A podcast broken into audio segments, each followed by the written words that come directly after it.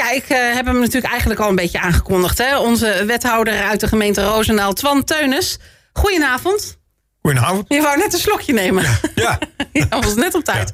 Welkom, leuk dat je er bent. Dank u wel. En uh, we gaan het hebben over uh, de woonagenda. Dat is eigenlijk het laatste grote stuk um, uh, wat um, behandeld is in de raad, wat van jouw hand komt. Ja. Um, maar we gaan ook zo even praten over de begroting. Um, waarin je gewoon een cadeautje kreeg. In sommige gemeentes uh, rollen ze vechtend over elkaar heen als het over de begroting gaat. En hier krijgt de wethouder van Financiën gewoon een cadeautje. Dat is ook bijzonder, uh, vond ik. Ja, en um, ik zei het al, jouw afscheid gaan we het ook heel even over hebben. Want uh, nou, we, gaan, we gaan het niet uitgebreid bespreken. maar je gaat wel weg. Je had me nog lang niet, hè? Nee, nee, nee. nee, nee, nee. Dat, nee je mag nog even, hè, tot maart, hè? Nee, dan hangen de blaadjes weer aan de bomen. Ja, oh kijk, nou dat uh, ziet er in ieder geval al uh, beter uit. Maar laten we het eerst eens ja. hebben over de woonagenda. Ja. Um, want um, ja, een, een, een, grote plannen voor uh, de komende vier jaar. Um, wat is wat jou betreft het belangrijkste wat uit die woonagenda, wat in die woonagenda staat? belangrijkste woonagenda is, en dat wilden we graag, de echte aandacht voor huisvesting bijzondere doelgroepen. En ook de onderkant van de woningmarkt. Want daar zit het grootste probleem. En ik zeg altijd meer, en wordt er vaak verweten, daarboven is het gewoon een luxe probleem. Ja. Het gaat echt om mensen aan de onderkant van de samenleving. Die, uh, uh, wat dat betreft prijzen we gelukkig met de prestatieafspraken, de komende afspraken met al wel de woningcoöperatie. Fors gaat investeren in echte uh, nieuwe sociale huurwoningen. Ja, en ook projecten eigenlijk waar we gewoon echt aan die onderkant betaalbare woningen gaan, gaan realiseren. Ja, en is dat nu, uh, schiet dat nu tekort, zeg maar, zoals nu het beleid is? Nou ja, we hebben wel gezien, we zijn niet alleen uh, compleet verrast natuurlijk door corona, maar we zijn ook uh, compleet verrast in het land door echt een overhitte woningmarkt. We zouden verwachten, de corona-epidemie veroorzaakt een economische recessie, recessie niet opgetreden, dat mensen voorzichtig zijn aan uitgaven. Het tegenovergestelde was maar de gekte sloeg toe op de woningmarkt.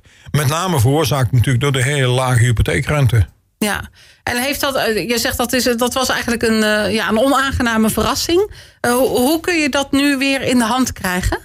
Nou ja, wat je ziet is natuurlijk met name zagen wij in, in Roosendaal tot nu toe altijd. Starters konden redelijk makkelijk de woningmarkt. Je zag zo een, een, relatief groot aanbod van woningen tot 2 ton, rond de 2 ton.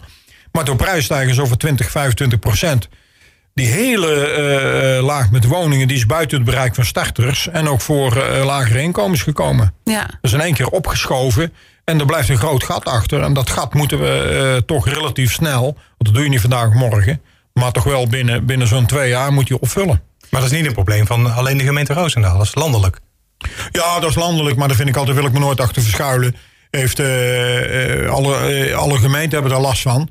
Maar ik vind wel het resultaat met de woningagenda en een bijzondere goede, goede inhoudelijke behandeling door de gemeenteraad moet gezegd worden.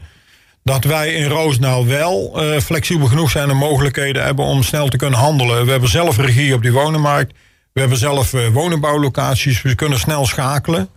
Dus wat dat betreft denk ik zijn we een van de gemeenten die nog uh, heel snel kunnen bewegen. Ja, en je zegt eigenlijk uh, onderaan die woningmarkt, daar ligt eigenlijk het pro probleem. Hè? Betaalbare woningen voor starters en voor mensen met wat minder uh, inkomsten. Um, en, en hoe gaan we dat dan oplossen? Moeten dat dan nieuwe woningen worden? Of zijn dat bestaande woningen die daarin op een andere manier moeten worden aangeboden? Hoe moet ik dat zien? Nou, deels waar, daar heel bekend om is, jaren geleden al. Veel navolging gehad, ook beleid van de provincie noemen dat stedelijke transformatie dat in Roosdaal zes jaar geleden we hebben besloten... alle nieuwbouw van woningen vindt plaats binnen de stedelijke omgeving. Dus niet meer uh, wijken ontwikkelen aan de randen van de stad. Mhm. Uh -huh. Dat kan zijn, maar daar heb je eigenlijk weinig lapjes grond... waar je nieuwe woningen kunt bouwen. Dus het veel, om het zo maar te zeggen, omkatten van... Uh, vrijvallende onderwijslocaties, kantoorpanden, uh, noem maar op. Dat aan allerlei lelijke plekken in de stad herontwikkelen. En je ziet echt wel de effecten daarvan. Dus het is niet ja, nieuwbouw, maar het is ook veel verbouw van, van, van panden. En wat is zo'n lelijke plek bijvoorbeeld? Nou, lelijke plekken, dat zijn plekken waar natuurlijk die een functie hebben verlo verloren. Historisch voor mezelf is bijvoorbeeld dat zelf elke heb ik ook een dansles gehad. Ik noem bijvoorbeeld de dansschool Attebra. Dat is echt een, een, die heb ik een keer in de Volkskrant magazine gestaan. Een begrip en ja, die verloor zijn functie. Ook de oude bioscoop. We hebben een prachtige nieuwe bioscoop in de binnenstad. Maar ook die, die locatie die achterblijft, die moet je oog voor hebben. Die moet je niet laten verloederen, ja. Ja. maar direct ontwikkelen voor, uh, voor woningbouw. Ja, en dat worden dan appartementen of hoe, uh, hoe gaat ja, dat? daar zie je dat, dat hebben lokale ontwikkelaars. Dat worden huurappartementen, daar is ook veel vraag naar. Echt in de wat lagere huur en de middenhuur. Ze zijn blij met die particuliere initiatieven. Want ja, mensen die geen huis kunnen kopen, die kunnen daar tenminste huren. Dat, en afgelopen jaren hebben we veel gebouwd in Roosdam, met name voor de lage huur en de middenhuur. Ja, en, maar dan hoor ik je wel voornamelijk over de stad Roosendaal praten. Hoe is dat dan bijvoorbeeld voor het buitengebied en voor de dorpen? Nou, voor de dorp ook uh, deze week bekend. Uh, daar heeft uh, mijn collega Inge Rijmakers getrokken. Was ik ook altijd bij betrokken. Daar bijvoorbeeld in Wouw. Dat is heel bekend aan het nieuws over de gebiedsvisie de Geerhoek. -huh. Een vrijvallend gebied. We zijn klaar met de gebiedsvisie. Dat is nou precies een gebied bij uitstek. Waarvan we kunnen zeggen binnen Wouw eigenlijk een lap grond... wat je vrij snel ter beschikking kunt stellen... aan de bouw van woningen. Voor, ook voor jongeren met een smalle beurs eigenlijk voor iedereen een smalle beurs in, in Wouw. Maar ook de tweede fase woningblauw hoog. Hoogd gaan we in Wouw ook op die manier opzetten. Nispen zijn we ook bezig. Ietsje meer problemen dat we waar mindere locaties snel tot ontwikkeling kunnen brengen. Uh -huh. Maar ook daar hebben we aandacht voor. Ja. En, en, en, kun, je, kun je zeggen hoe kleiner het dorp, hoe moeilijker het is om daar woningen te creëren? Dat hangt er vanaf natuurlijk of je, of je plekken vindt waar je dat zou kunnen doen. Kijk, Moerstraat hebben in een tijd de gebrande hoeven wat grote locatie. Daar kun je wat makkelijker uit, uh, uit, de, uh, uit de voeten. Dus het verschilt. Wouwse plantage heb ook nog wel wat, uh, wat ruimte. Maar je moet ook kijken, ook in het dorp overigens is van belang om oog te hebben voor binnendorpse ontwikkelingen. Ook een dorp, een dorp als Herelen vind ik ook van belang. Daar heb je ook de afspanning. Oude locatie waar vroeger ook een grote feest staan met een café. Uit de tijd staat ja. leeg. Ja. Ook die plekken, die moet je herontwikkelen. Ik zeg altijd, als je buiten het dorp aan, aan een weiland gaat bouwen... Ja, dan is de, dan is de druk en, en ook het perspectief om dat soort plekken te herontwikkelen is weg. En er zijn heel veel foute voorbeelden bij gemeenten die daar te weinig aandacht voor hebben.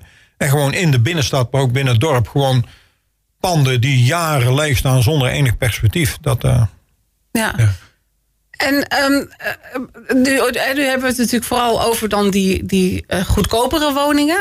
Uh, blijft er dan ook nog wel ruimte uh, voor mensen die wellicht een wat duurdere woning willen... of die een duurdere woning willen bouwen? Is daar nog plek voor? Nou ja, dat is, dan, maar dat is op mijn manier natuurlijk. En dat, daar maak je niet altijd vrienden mee natuurlijk. Want en natuurlijk als je kijkt, de makelaars die zeggen gewoon van... en het is ook zo. Bouw op een lap grond vrijstaande woningen... en die gaan als broodjes over de toonbank. Ja. Dat klopt ook. En dan zie je ook een enorme druk natuurlijk. Maar je ziet ook in wijken Stolberg, wijken in Roosendaal. Als je ziet die vrijstaande woningen. Die worden steeds meer bewoond door, uh, door mensen waarvan de kinderen al uit de deur zijn. Die zijn buiten de deur. Die zijn gepensioneerd. Die willen misschien wat anders gaan wonen. Dus binnen een tijdsbestek van 10, 20 jaar komen relatief veel van dat soort vrijstaande woningen op de markt. Ga je nu bijbouwen, ja, dan krijg je straks, is ons idee, provincie deelt het ook, over 20 jaar krijg je een overkill in juist dat soort woningen. Ja. woningmarkt is heel complex, is vooruitdenken. En niet te veel toegeven aan hele korte termijn problematiek. Ja, ja dus, dus, dus men, men kan het zien aankomen door die vergrijzing. Nou ja, we zien natuurlijk vergrijzing in uh, wijk als Stolberg. Uh, ik, uh, ik ben er ook begonnen met een, met een woning. Zie je natuurlijk is relatief je, mensen met, die nog geen kinderen hadden, die krijgen kinderen. Je kunt het, het ook zo'n ontwikkelaar van een wijk eigenlijk gewoon zien. En dat leidt er nu toe dat allemaal worden 60ers, 70ers. En die blijven in wonen, maar dat komt op enig moment allemaal vrij. En daar moet je echt vooruit gaan kijken. Maar dat geeft wel eens druk natuurlijk. Er zijn mensen genoeg van, ja, ik wil zo'n woning hebben. Nu. Ja, ja. ja snap ja. ik, maar... Dat is lastig. Ik vind, en dan kom ik een beetje, word ik wel eens van botheid beticht. Maar dan denk ik, ja, dat is, u heeft een luxe probleem, u heeft een dak om mijn hoofd. Ja. Maar er zijn mensen waar ik meer zorgen om heb. En daar richt ik me meer op. Dat, ja, uh... ja, ja, snap ik. Um, ja, die, die woonagenda uh, die is inmiddels uh, goedgekeurd en vastgesteld door de Raad. Dat ging eigenlijk best wel redelijk makkelijk volgens mij. Er kwamen niet heel veel punten van kritiek, toch? Nee, maar dan moet ik even nuanceren. Want die woonagenda die heb ik voor de zomer naar de Raad gebracht. En de commissiebehandeling die ging niet goed.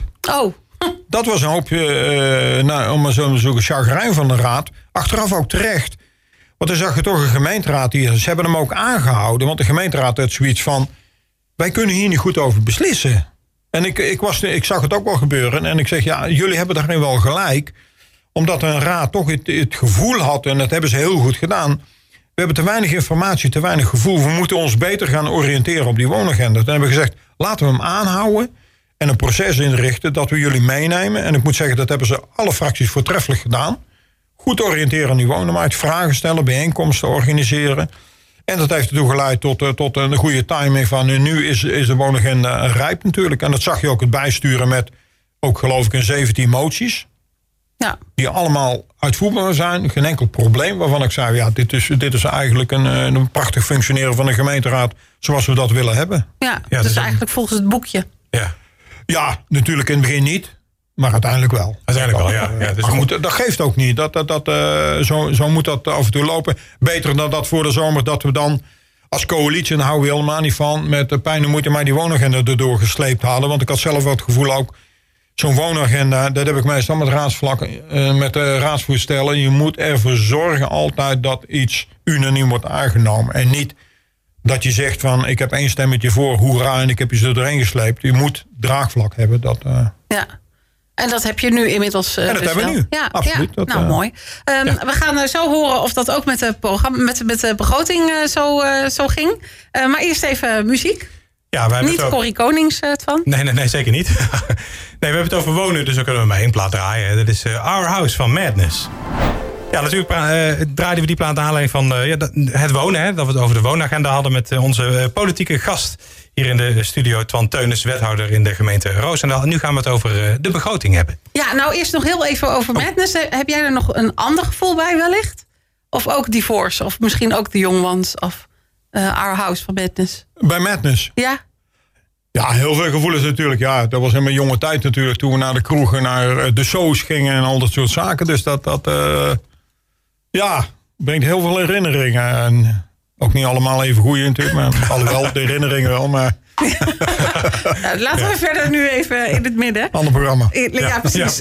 Laten we het nu even over de begroting hebben voor, eh, voor het komende jaar. Ehm, want je bent eh, wethouder van Financiën. En dat eh, ben je nu voor het twaalfde jaar. Dus dat betekent Klopt. dat ook dat je je twaalfde begroting zeg maar hebt gemaakt en voorgeschoteld aan de raad. Is dat ook altijd wel weer een spannend moment? Of, of doe je dat, schud je dat redelijk makkelijk uit je mouw? Ja, moeilijk te zeggen. Dat, dat, dat, de begroting uiteindelijk wel. Want daarvoor gaat een heel proces natuurlijk van je kadernota, van je hele financiële analyses. Dat, dat, eh, ik moet zeggen, nou, als je twaalfde begroting, dan, dan weet je wel hoe die processen lopen. En na twaalf jaar dan weet je zoveel ins en outs van, van de financiën van Roosendaal. Dan eh, de zaken een rijtje zetten, dat is één ding. Maar dan moet je het natuurlijk nog wel... Kijk, een begroting is meer dan financiën. Een begroting is ook beschrijven van de activiteiten, wat je allemaal gaat doen als gemeente. Het gaat niet alleen om geld. Ja. Het gaat vooral om natuurlijk van. En er zitten toch de afgelopen jaren kunststukjes van eh, eh, hoe gaan we om met jeugdzorg, met, met de WMO, eh, hele belangrijke gebieden.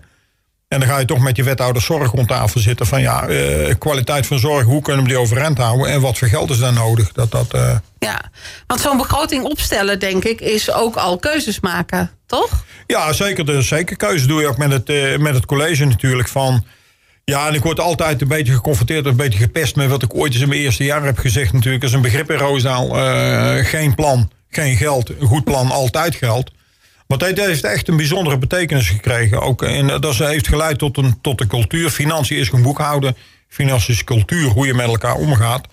En dat zie je bij ambtenaren, dat zie je ook bij, bij een gemeenteraad in Roosendaal. Iedereen weet gewoon, je moet niet geld vragen voor flauwekul... of dat je geen goede dingen wil doen, dan krijg je nooit geld. Maar daarentegen staat, als er iets goeds gedaan moet worden... dan toveren altijd wel ergens geld vandaan. En dat biedt een zekere rust ook. Een zekere zekerheid in het college, maar ook de gemeenteraad. Dat, dat, Ja. eh, Ja, maar dan, jij zegt nou van eh, niet voor flauwekul, maar wat voor, een, voor jou flauwekul is, kan voor iemand anders geen flauwekul zijn, toch? Nou, wat ik met flauwekul, en dat is een beetje wel denk ik, wat je in de politiek vaak ziet natuurlijk. En dat moet je wet- dat noem ik maar het politiek opportunisme. En dat is natuurlijk politiek eigen. Je zit altijd met eh, vierjaarsperiodes. En soms zie je toch een gemeente, het heigeren van de gemeenteraden, van wethouders. Ik moet nu scoren. Ik moet scoren, ik moet iets laten zien. En ik heb dat geld nodig. Ik heb vooral geld nodig om iets te laten zien. En daarmee verlies je de langere termijn uit het, eh, uit het oog. En dan kan je gewoon brokken maken. En ik heb altijd voor gestreden van, daar gaan we niet aan beginnen. Je moet gewoon heel duidelijk vertellen. eh, ik ben uit van huis uit macro-econoom. Ik zag er maar gewoon eh, geld uitgevers investeren. Je moet aantonen welk rendement levert dat op. ja, Waar wordt die samenleving beter van? En als je dat niet goed uit kunt leggen, dan doe het gewoon niet. ja. Dat, Toch even terug naar mijn eerste vraag. Uh, naar dat gevoel bij die begroting, bij dat indienen van die begroting. Uh, kijk, als je dat voor het twaalfde jaar doet, dan ken je inderdaad de processen wel en dan weet je wel uh, hoe en wat. Maar hoe was dat dan bijvoorbeeld de eerste keer? Gaat dat dan toch met een beetje kriebels in de buik of hoe werkt dat? Nou ja, de eerste keer dan, dan ja, zijn we bijna vergeten natuurlijk. Maar ik werd in 2010 wethouder. Kwam uit het niets. Uit het hele, op het laatste moment werd ik als wethouder uit een doosje getoverd. Dus ik was ook een totale onbekende in Roosendaal. En ik kreeg de portefeuille financiën omdat niemand anders die wilde. Dat vond ik heel vreemd, want ik wilde hem absoluut hebben. Ja. Omdat ik wist. En dat is het vreemde. We krijgen enorme bezuinigingen. En daardoor wilde ik hem hebben. En dat is heel vreemd, want de rest vond het heel vreemd natuurlijk. Maar, maar dan heb je wel de veranderportefeuille in handen. En wij moesten toen binnen een paar jaar tijd 41 miljoen structureel ombuigen. Dat was natuurlijk echt, dat, dat was een tijdperk, dat vergeet je nooit. Snijden, hakken en zorgen. Ik heb altijd gezegd, agenda voor Roosendaal is ervoor uit voortgekomen. Ja. Je moet bezuinigen, maar je moet tegelijkertijd ook hervormen. Dingen anders doen en je moet investeren. En niet zomaar even snijden. Dat, dat, uh... Ja, en dat zijn vooral de beginjaren. Dat was heel spannend. Want toen eigenlijk, toen was het mij erop, we eronder krijg ik een vat op. Ja. Wordt me dat ook gegund eigenlijk. En dat, dat, uh, maar toen had het eigenlijk een, en vanaf die periode kwam er ook een heel groot vertrouwen van oké, okay, dan. Uh, maar soms moet je dan ook impopulaire maatregelen nemen. Ja, maar dat heb ik nooit geschuurd. Dat moet je op alle vlakken. Dat wat dat betreft ook ben ik er wel in de loop der jaren nuchter om geworden van.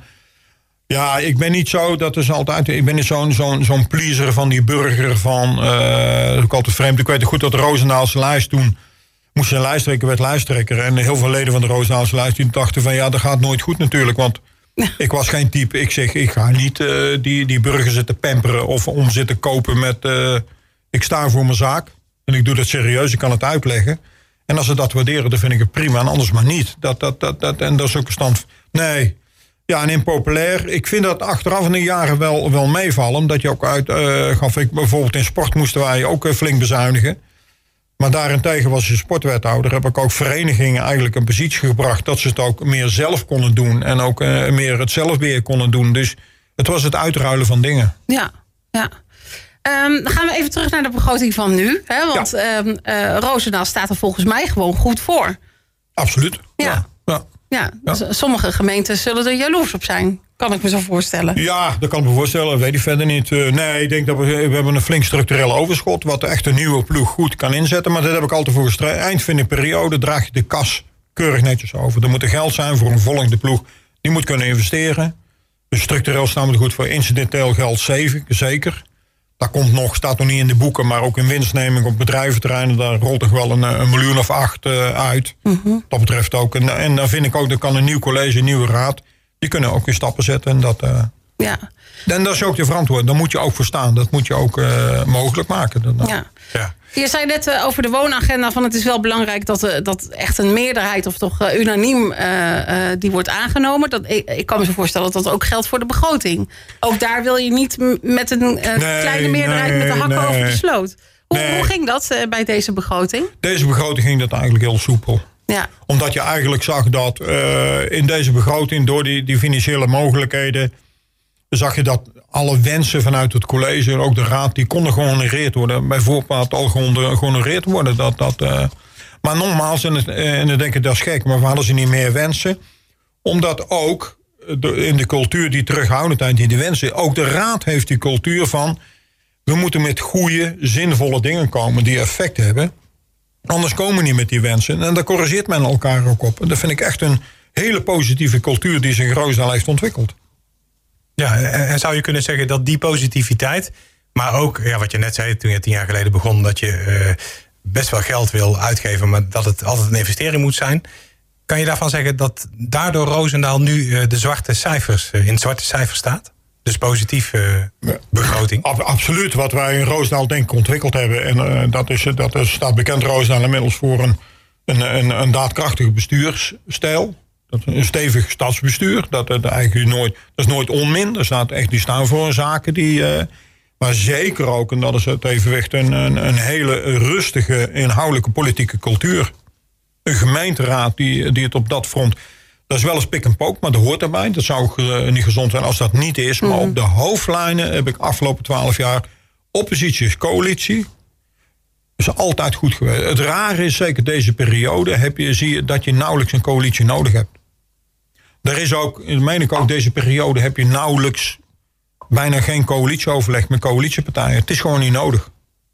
omdat ze ook al op dezelfde lijn zitten als de uh, ja, oppositie. Ja, omdat je inhoudelijk gaat, dan, dan uh, ja. men vindt elkaar wel. Dan. En, ja. en ja, twaalf de begroting. Ik zou terug moeten kijken of er een begroting is geweest waar... Ik denk wel een keertje dat een paar partijen hebben tegengestemd. Dat zo'n, maar verreweg het meeste van die twaalf begrotingen altijd unaniem. Ja. ja, mooi. Ik vind ook overigens ook altijd gezegd tegen de gemeenteraad... een begroting is zo belangrijk kaderstellend. Daar moet je niet tegen stemmen. Niet tegen willen stemmen. Ja. Dat, dat, uh, ja, Kijk, dat het is gaat om eigenlijk twee... je uitgangspunt waarmee je gaat werken. Ja, natuurlijk. Ja. Ja, En eh, je kreeg zelfs een cadeautje. ja leuk. Ja. Ja, Want eh, het, het was een, een schatkistje. Daar zat Ja. ook nog wat in. Een fles wijn. Nou, die wijn die was echt voor jou? Of Ja. moest je echt bekertjes uitdelen voor iedereen? Nee, de fles wijn is al op hoor. Die was vrij snel op. Dat, dat, eh, En, en dat kistje, gaat het echt dienst doen als eh, het, eh, net als op Prinsjesdag, zeg maar, het dat is het eerste wat, idee wat ik had natuurlijk. Overigens moet wel gememoreerd worden. En dat, dat wekte nogal wat verbazing natuurlijk. Van, ik kreeg dat cadeau van de grootste oppositiepartij. Ja. Van de VLP. Van mijn grootste strijdmakker ooit. Waar ik veel mee... Armen Vergestel. En dat is toch wel heel bijzonder eigenlijk. Want er zit wel, en ik heb daar toch wel, ja, toch met enige emotionaliteit wat, eh, wat woorden aangeweid in de raad. Emotie zat bij meer mensen. We hebben wel even een periode gehad met elkaar in de VLP. En, maar, en dat is de kracht van Roosdaar, waar we toch iets hadden van. Als je ver van elkaar gaat staan, luister je niet meer, krijg je verkeerde beelden. Dat leidt tot hele verkeerde dingen. En dan zie je toch dat in Roosdaar altijd men iets heeft van. Dat, je, je moet toch een poging wagen weer naar elkaar te groeien. Je moet daar proberen om dat te gaan doen. Ja. Nou, blijkbaar is dat dus gelukt. En dat is gewoon, dat is absoluut goed gelukt. Ja. En Ja. eh, ik vind een kistje zo leuk dat ik ook heb gezegd van. Kistje zo door de, door de eh, Wouwse kunstenaar Karel Schrooien gemaakt. Dit geef ik door aan de volgende wethouder Financiën. En eh, als hij hem nou elke keer doorgeeft, dan wordt het misschien wel een stukje traditie. Dat, eh, ja, Ja. nou, zou mooi zijn. Ja, Het kistje is geboren. absoluut. absoluut. ja. Ja. En zal ik er ook een fles wijn in doen. Ja, ja mooi. Ja. We praten zo nog even met jou verder. Eh kijk nog even terug op jouw eh, carrière als eh, wethouder. Ondanks dat die natuurlijk nog niet helemaal voorbij is. Maar toch, we kunnen alvast beginnen met een beetje terug te blikken. Het is december, dan mag het. Dan mag het, ja precies. Het Maar eerst, gebeurt op meerdere vlakken. Maar eerst muziek. We praten hier in de studio verder met onze politieke gast Twan Teunis, wethouder in de gemeente Roosendaal. En we hadden het net over de, de begroting, hè, de begroting voor 2022. En wat ik nou zo mooi vind, Twan, is dat er eh, in de gemeente Roosendaal voor de inwoners en voor iedereen die geïnteresseerd is, dat er een begroting is gemaakt in één oogopslag. Een mooi overzicht, een mooie infographic, waarin je precies kan zien wat de inkomsten zijn, wat de uitgaven zijn en wat het ook per hoofd van de bevolking of per inwoner dan eh, zo is en zo. En dat is voor leken, mensen die niet, eh, ja, geen financiële, ja, iets van economie weten en zo, is dat wel super om, om te zien. Dus dat, ik vond het ook heel verhelderend. Ja, dat doen we al een paar jaar. Ook voor mij is het handig hoor. Wat meer lees ik ook niet van die begroting. Oh, dus dat, dat oh, eh, moet ik eerlijk bekennen. Dat, Ja. dat, eh, Ja, maar ja, ik, ik vind het heel makkelijk. Want zo lees ik hier dat de inkomsten zijn 279 miljoen. Hè, dat kun je dan in één oogopslag zien. En eh een uitgave is dan 273 miljoen. Nou, dat is een mooie verhouding. Want daar hou je over en daar gaat het om, toch? ja, klopt. Ja. klopt. Ja, Ja. mooi. Ja, en ik zei het al, we gaan ook een beetje terugblikken, Twan. Want eh, twaalf jaar wethouder in de gemeente Roosendaal. Eh, en je kwam eigenlijk eh, een soort van uit het niets. Eh, je was daarvoor geen raadslid. Je was niet Nee. eh, in de politiek actief eh, hier of op Nee. een andere plek, toch? Nee, klopt. Nee. En hoe kwamen ze bij jou uit als wethouder? Nou moet ik wel zeggen dat ik in, in de loop der jaren eh, wel eens wat deed voor die lokale partij Roosendaalsluis. Ik ken bijvoorbeeld Steven Adriaanse. Die ken ik al tientallen jaren. Eh, ik heb ooit nog eens een keer, eh, toen werd gevraagd ook om te, het verkiezingsprogramma geschreven van de Roosendaalse lijst. Ik denk dat Steven toen een manneke was van een jaar of 19. Dat is eigenlijk heel leuk. En, en eh, natuurlijk wordt dan altijd gevraagd. Zijn vader nog, Chris Adriaanse, die ik goed kende. Mijn oude scheikundeleraar, die heeft een paar keer gepoogd met Twan. Kom in de gemeenteraad zitten. Nou, dat is iets wat ik zei, dat, dat ligt me niet. Dat hoort niet bij mij en dat, dat, dat ga ik nooit doen. Maar ik wil u al- altijd wel helpen, dat is geen enkel probleem. En voor de rest had ik geen enkele politieke betrokkenheid van. Ik volgde de politiek ook niet hoor. Dat, dat, eh, Nee. Nee. en dat doe ik straks ook niet meer. Nee? je bent straks eh, wethouder af, eh, want eh, 16 maart zijn de verkiezingen. Ben je dan daarna meteen wethouder af of hoe werkt dat? Nee, nee, nee, nee. Dan word je demotionair. Dan blijf je gewoon als wethouder totdat er een nieuw college zit. En meestal is dat zo, als ik uit de meivakantie zo begin mei. Ja. Dus ergens begin mei dan... eh, Tenzij ze er net zo lang over doen als het eh, ja, ja, ja, Dan ik zit je er volgend jaar op eh, deze tijd nog. Nee, begin mei dan pak je voor de laatste keer mijn fietsje... en dan rijd ik de poort uit bij het stadskantoor... en dan eh, is het wel mooi geweest. Ja. dan inmiddels in het huis van Roosendaal waarschijnlijk. Eh, ja, dat ga ik waarschijnlijk nog net meemaken. Ja. Dat, dat, eh, Of het nog de moeite is dat ik er ga zitten, dat weet ik niet. Maar gewoon dan... eh, Misschien vind je het wel zo leuk dat je er niet meer weg wil. Nou, ik denk... eh, nee, ja, goed. Nee, maar ik heb altijd met plezier gewerkt. Ik moet zeggen, vooral ook met, eh, met de ambtenaren. Dat is echt... eh, daarmee een team vormen. Dat is altijd wel eh, mijn streven geweest hoor. Van, Ja. Financiën heeft altijd in jouw portefeuille gezeten, volgens Ja. mij, twaalf jaar lang. Ehm, sport heeft er ook vaak in gezeten, maar niet altijd. Nu ook niet. eh, zeven jaar. Zeven Ja. jaar dan. eh, En nu eh, ben je ook wethouder van cultuur. En dat Ja. is sinds een paar jaar, is dat nieuw dat is voor de, jou, deze periode, ja. Dat is dan bijna vier jaar. Ja. Dan, eh, Wa- Was dat een, ehm, dat was echt nieuw eh, voor jou, althans, hè, om daar wethouder van te zijn. Ehm, eh, waarom kwam cultuur bij jou in de portefeuille terecht? Oh, dat is uit de coalitieonderhandeling. Ik moet zeggen dat ik zelf wel iets had van na zeven jaar sport. Want ja, daar ben ik best een beetje trots op natuurlijk. Ik heb altijd, ik heb altijd drie principes overeind gehouden met sport. Toen al gezegd van we moeten investeren in sportaccommodaties. Hele goede voorzieningen. Die hebben we ook in Roosendaal. Nieuwe atletiekbaan toen, oefenturnal, wielerexperience, goede voorzieningen. Het tweede was eh, verenigingen op eigen benen, zelfbeheer. Dat was altijd mijn streven ook, want dat is gelukt. Wij moeten als gemeente niet meer op sportparken komen. Daar komen wij ook niet meer. Dat moeten verenigingen allemaal zelf doen. Ja. De positie moeten ze brengen. En de koppeling met het sociaal domein. Dat is heel belangrijk, dat sociale deel. Dus wat dat betreft is het geen... En, en sport had ik er zoiets van... Ja, ik heb er zeven jaar zoveel gedaan. Ik zou niet weten wat ik nog meer moet doen. En ik zag met leden ogen een beetje aan het culturele veld. En ik had zelfs zoiets van... Het lijkt me wel aardig om ook datzelfde in het culturele veld... die principes ook toe te gaan passen... en te kijken hoe dat gaat werken. Dat... eh, En hoe werkte dat? ja, eh, voortreffelijk moet ik zeggen. Van eh, een van de denk ik, mooiste dingen is Cultuurhuis in Roosendaal. Ik weet nog goed dat, eh, want er moest de vereniging weg uit Mariadal. Er moesten uit het docentgebouw een hoop gedoe. Opdracht van de raad, je moet wat voor de verenigingen doen. Een hoop gedoe. En toen heb ik ook gedacht van, nou ja, toen dan een hele grote scholen bovendonk. En toen heb ik ook een aantal mensen, er stond een goed bestuur op. Oud, eh, oud-burgemeester Michel Marijn. Een paar mensen die zeiden van, wij willen een bijdrage leveren. En toen heb ik letterlijk een keer eh, symbolisch gezegd, hier heb je de sleuteltjes. En zoek het maar uit. Ja. En dat is wel eigenlijk, en dat vind ik ook het principe van, eh dan moet je risico eh, besturen, maar het wordt altijd beloond. Die samenleving kan veel meer dan, dan wij denken. En het is ook eh, de kunst van het vertrouwen geven aan de samenleving. Als overheden zijn we veel te makkelijk geneigd. Ja, dat kunnen ze toch niet. Moeten vooral geen risico's lopen. Vooral in de gaten houden. Nee, je kunt het ook omdraaien en zeggen van... Nou, beste mensen. Ik weet dat Michel Marijnen toen nog wel zei van... Ton, die school is zo groot. Ik ben bang dat we hier dan een paar lokalen bezetten... en de rest van het gebouw eh, leeg staat. Er staat een wachtlijst op dit moment. Er Ik zitten wou zeggen, ja. 38 verenigingen in. eh, maar ook de Sint-Jan is ook zo'n voorbeeld van. En voor mij ook het bewijs dat...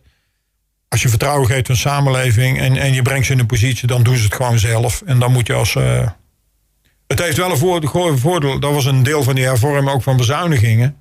En dat deed geen pijn. Want ik, had echt, ik werd sportwethouder. We hadden ambtenaren die waren dagen bezig met de, de deurkrukken vervangen... om een kleedkamer, het trekken van de kalklijnen op dingen. Dat we van alles, het pamperen van verenigingen. En toen hebben we gezegd ook, ik heb echt voetbalverenigingen strijd geleverd. Ik heb een keer gezegd van nou, hier heb je 6.500 euro per veld. En je zoekt het maar uit. Ja, maak het maar. Alle Doe het maar. kleedkamers, eigendom voor een euro. Punt. Ja. En dat accepteerden ze nog ook. Maar toen kon ik eens een, een, een, een kunnen met ambtenaren schrappen. Dat, dat, dat was het. En zo doe je bezuinigingen. Dan, eh, Ja. Ja. Dus de gemeente faciliteert, maar wel eh, tot een bepaalde grens dat verenigingen het zelf kunnen, eh, kunnen doen. Nee, dat, Ja. dat, dat, dat klopt inderdaad. En dan zie je dat je toch op die manier als overheid... en samen word je toch beloond. Ik heb Ja. er altijd heilig in geloofd vanaf dag één. En dat, dat zie je gewoon. Dat, eh, en natuurlijk moet je dan wel zijn, maar daar sta je als overheid voor... dat je zegt van, en als een keertje misgaat... dan sta ik gewoon achter jullie. Ja. Ja, zo moet het natuurlijk ook zijn. Ja. En hetzelfde En- hebben we trouwens ook binnen de ambtelijke organisatie gedaan. Precies hetzelfde. Wij hebben ook geen eh, management. Hoe gek ook. Wij hebben geen afdelingshoofden, geen teamleiders in de organisatie. Want ik heb wel toen gezegd... je kunt wat je buiten, eh, als je, je kunt wat je buiten wil zijn, moet je binnen ook zijn. En we hebben eigenlijk tegen ambtenaren gezegd ook, jullie moeten ook die eigen verantwoordelijkheid eh, pakken. En, want dat moet wel gelijk oplopen. Ja. En uh, heb je ook een portefeuille niet gehad in de afgelopen twaalf jaar? Ja, er wordt wel eens kritiek op geleverd dat ik met name in de zorgportefeuilles daar, daar heb ik wel minder geacteerd. Ik heb nooit WMO, ik heb nooit zorg gehad, ik heb nooit jeugd of jeugdzorg. Omdat je dat niet wilde of gewoon omdat het zo uitkwam? Omdat het ook zo uitkwam, maar omdat ik ook vanuit financiën dacht een, een betere rol te kunnen spelen. En zeker bij zorg heeft dat uitgepakt, zeker vanaf 2015. Was ik ook lid van de commissie Financiën van de Verenigde Nederlandse Gemeente met de Rijksonderhandelingen. Ik dacht, ik kan beter een rol spelen door een wethouder zorg te ondersteunen vanuit financiën, daar te helpen, dan dat ik zelf op die zorg. Uh, maar goed, daar kun je over twisten. Dan, dan, uh... Ja. Ja, er zijn natuurlijk altijd ups en downs. Downs heb je natuurlijk ook uh, meegemaakt. Maar als je alles bij elkaar optelt, ga je dan met een goed gevoel weg? Uh, Jazeker. Uh, ja, ik moet de komende maanden ook nog wel even doorkomen. Ja, okay. Je weet nooit maar wat tot gebeurt. nu toe dan, hè? Ja, maar tot nu toe dat denk ik, ja. Kijk, en, en vooral, dan uh, doet wel veel... Zo'n cadeautje van de VLP, dan, dan echt veel geïnvesteerd. Als je afscheid kunt nemen, en dat, vind ik de Roosendaelse manier... En je kunt na twaalf jaar met iedereen vanuit de raad, ambtelijke organisatie, echt een hand schudden en een pilsje drinken en nog een paar grappen vertellen. Dan heb je het goed gedaan. Dan, uh... Ja, met iedereen door één deur. Ja, ja. en dat is echt belangrijk. Dus mijn grote leermeester is altijd geweest Peter van der Velde, vorige week, oud-burgemeester van, uh, van Breda. Die is altijd van, let altijd op je betrekkingen. Investeer altijd in mensen. Als je ziet dat mensen van je verwijteren of boos zijn, investeer toch in die relatie, dan uh, laat het niet kapot gaan. Dat, dat, uh... ja. ja. Ja, we kunnen nog heel lang doorpraten volgens mij. Oh, Twan, heel, één, één korte vraag, nog echt de laatste vraag. Wat ga je volgend jaar nou eigenlijk doen? Na jouw wethouderschap? Ja, dat weet ik niet. Dat, dat, dat, heb ik wel overheen moeten zetten. Ik denk dan eens een beetje met mijn vrouw ook over gehad van mij eventjes uitblazen. Want dan, ja, tot mijn pensioen. Ja, dat klinkt zo dingen van 1 november 2023 krijg ik AOW. Dat ik moet er niet aan denken, maar goed. Nee. moet ik dan wel even overbruggen. Moet ik wel werken natuurlijk voor de, voor de centen. Maar dat zal meer een Ik heb wel wat contacten, losse opdrachten. Vergens. Wat dat betreft uh, heb ik thuis geleerd van... Uh, ik ben niet te lui om te werken. En, ik ben ook, en wat voor werk ik ook doe, dat, uh, dat ga ik ook doen hoor. Dan. Ja. Maar dat zie je volgend jaar nog. Uh, je hebt niks uh, al op de planning staan. Mm, misschien. Misschien. Ja, ik misschien. misschien. Dat, dat, dat, dat, gaan we gewoon, dat gaan ja. we gewoon zien. Dat, maar je wordt geen lijsttrekker voor de Roosendaagse lijst? Nee, nee, nee, absoluut. Ik ga ook niet in de gemeenteraad zitten. Laat dat duidelijk zijn. Ik, ook niet ergens anders? Nee, het zou misschien wel lol hebben in de gemeenteraad. Maar mij moet je niet in de gemeenteraad hebben. Dat, dat, dat ik denk dat het vreselijk is. hey, we hebben nog, Zelfkennis. Uh, ja. ja. We hebben nog 30 seconden, uh, Twan, uh, dit uur. Dus uh, wij willen je hartelijk bedanken voor jouw komst naar de studio. En, en succes nog de komende maanden als, als wethouder. En ja, ongetwijfeld spreken we je nog daarna ook wel. En wie weet in een andere rol. Oké, okay, dank u wel. Dank u wel. Dank u wel. Jo, jo. Iedere woensdag van 7 tot 9. Het Fractiehuis. Op Zuidwest FM.